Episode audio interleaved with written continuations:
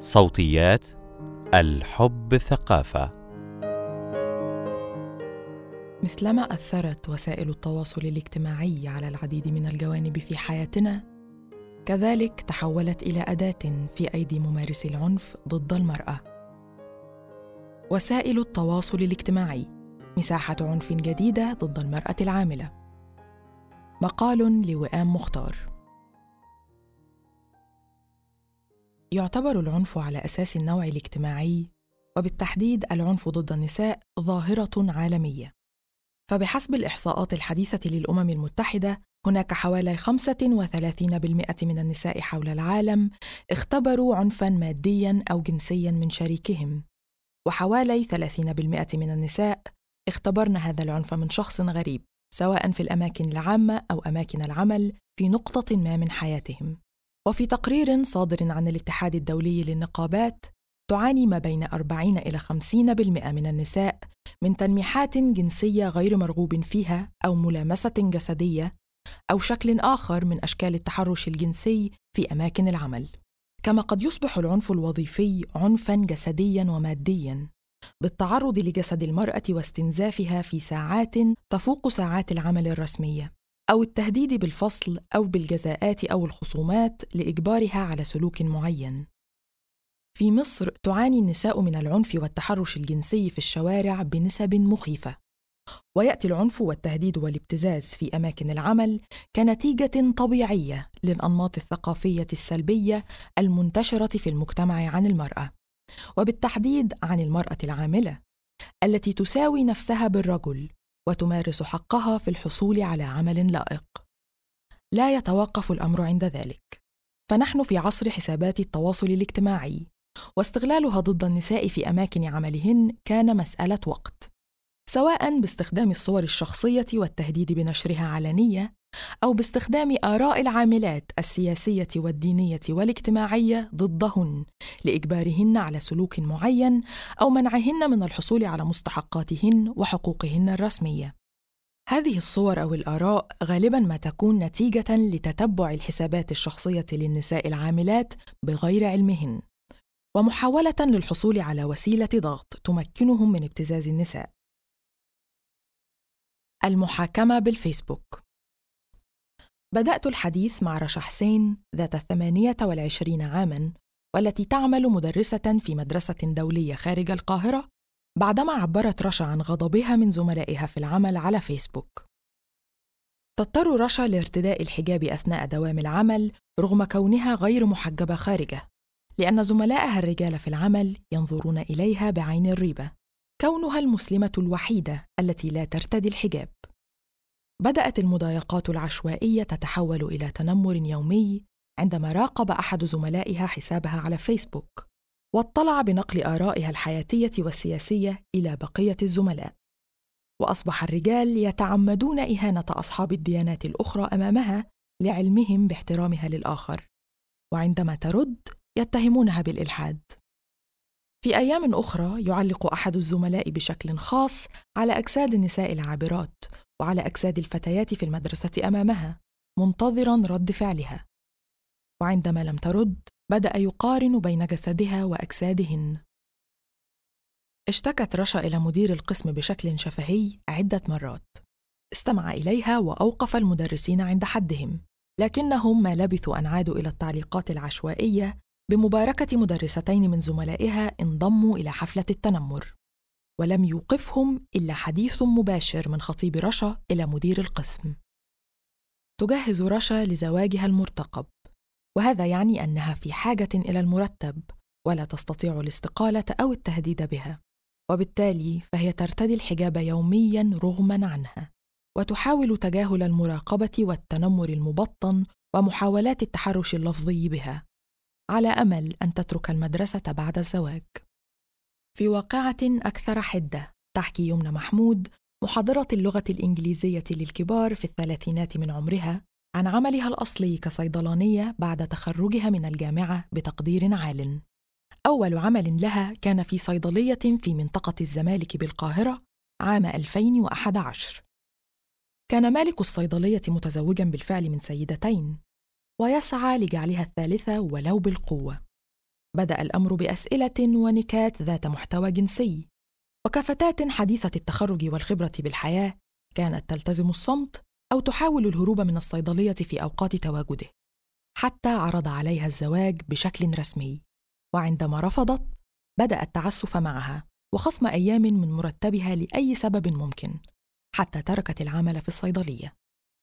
تكرر التحرش الجنسي ومحاولات إرغامها على علاقة جنسية بالقوة في صيدليتين أخريين كان يملكهما رجال. حتى قررت يمنى العمل في صيدلية تملكها سيدة في سن مقارب من عمرها وقتها عام 2015 لكن الصيدلية كانت تعاني من العديد من المشاكل الإدارية حتى أن المرتبات تأخرت مرة لثلاثة أشهر. وفي مرة نسيت يمنى حساب فيسبوك مفتوحا على حاسب المكتب. فاستغلت صاحبة الصيدلية الحساب للاطلاع على محادثاتها الشخصية مع شريكها وصورها الخاصة. ورفضت دفع مستحقاتها وهددتها بالصور التي احتفظت بها. كما أخبرت صاحبة الصيدلية أخيها بالموضوع والذي بدوره هدد يمنى بتحميل الصور على الإنترنت لعموم البشر وإرسالها إلى أهلها في الصعيد إذا جرؤت على المطالبة بمستحقاتها أو كتبت عن الصيدلية على الإنترنت. عند هذه المرحلة كانت يمنى تعاني من صدمات متتالية متراكمة وشعور دائم بالإهانة والتهديد بسبب مهنتها التي تحولت في نظر أصحاب العمل إلى أداة جنسية مهما فعلت. وتحولت اختياراتها الشخصية في حياتها إلى أداة لتهديد أمانها وحرمانها من مستحقاتها. أخذت قرارا كبيرا بتغيير المهنة وأصبحت محاضرة لغة إنجليزية للكبار تحرص دائما على العمل في الأماكن العامة.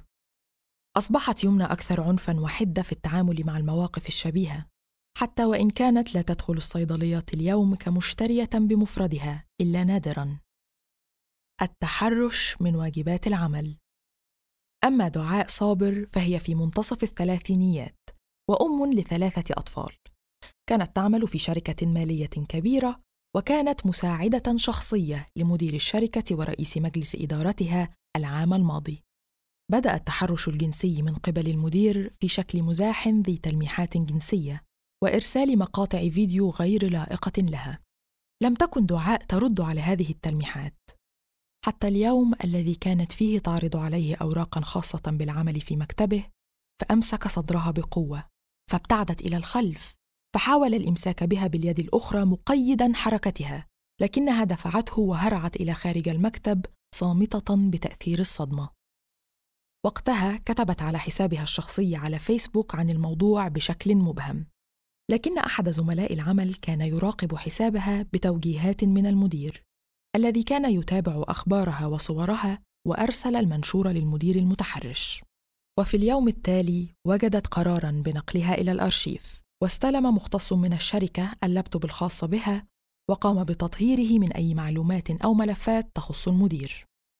استلمت دعاء العمل في المكان الجديد لكن الموظفين لم يتوقفوا عن مضايقتها.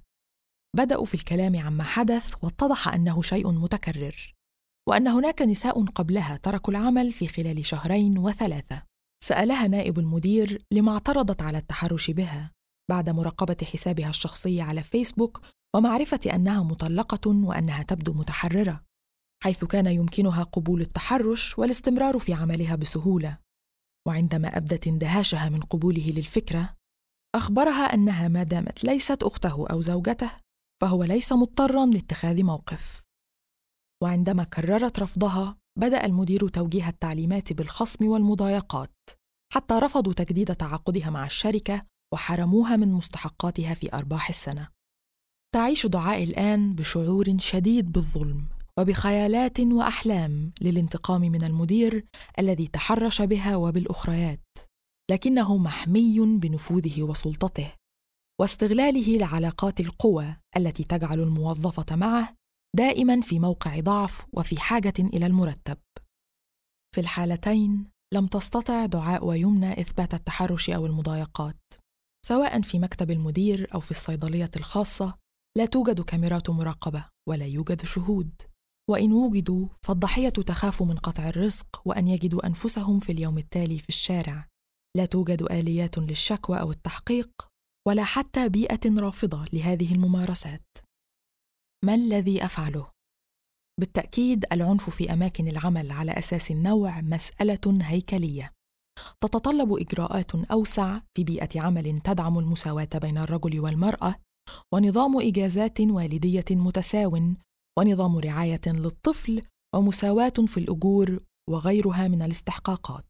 كما أن التوعية والتثقيف بحقوق النساء مهمة لكن أيضا يجب الدفع في اتجاه إشراك الرجال في هذه العملية. وإقرار قوانين رادعة عن الفعل ومسارات قانونية واضحة للشكوى في أماكن العمل نفسها مع إجراءات تأديبية تناسب فداحته. وننصح من تتعرض لأي نوع من العنف في عملها أن تفعل التالي. أن تحتفظ بسجل موثق لوقائع العنف أو التحرش الجنسي إذا استطاعت ذلك سواء عن طريق التسجيل أو التصوير أو الكتابة. اكتبي ما حدث بالتفصيل بالوقت والتاريخ والعبارات المستخدمة لاستخدامه عند الحاجة. أن تواجه المتحرش أو المعنف برد فعل سريع وبصوت عال وبثقة في النفس وبرفض واضح لما يفعله. الصمت أو التجاهل قد يدفعان إلى المزيد من الانتهاكات. أن ترفع الشكوى فورا إلى المدير المباشر أو المدير الذي يترأسه. فالتكتم على الأمر يساهم في استمراره. إذا كان المتحرش هو المدير أو رب العمل يمكن اللجوء إلى وسيط من المديرين الآخرين أو من الأهل. استعيني بزملاء العمل ليدعموك سواء كانوا رجالا أم نساء. اطلبي الدعم والتضامن من زميلتك إذا لم يدعمك الرجال. أن تشهد على موقف مسيء لك أو أن تتحرك دائما معك في مواجهة المتحرش أو المعنف. هذا التضامن من زملاء العمل سيشعر رب العمل بالخطر وأنه يمكن مساءلته من مجموعة من الموظفين والموظفات. اطلبي المساعدة من مختص قانوني فيما يتعلق بإمكانية الإبلاغ عن الابتزاز أو التهديد لمباحث الاتصالات والإجراءات المطلوبة لذلك. واطلبي مساعدة مختص نفسي. هناك منظمات مجتمع مدني تعمل على دعم النساء المعنفات وتقديم الاستشارات المناسبة لهن للتصرف مع هذا العنف ولتجاوز آثاره النفسية والجسدية. أنت تستحقين الرعاية والاهتمام فلا تنكري حقك في ذلك.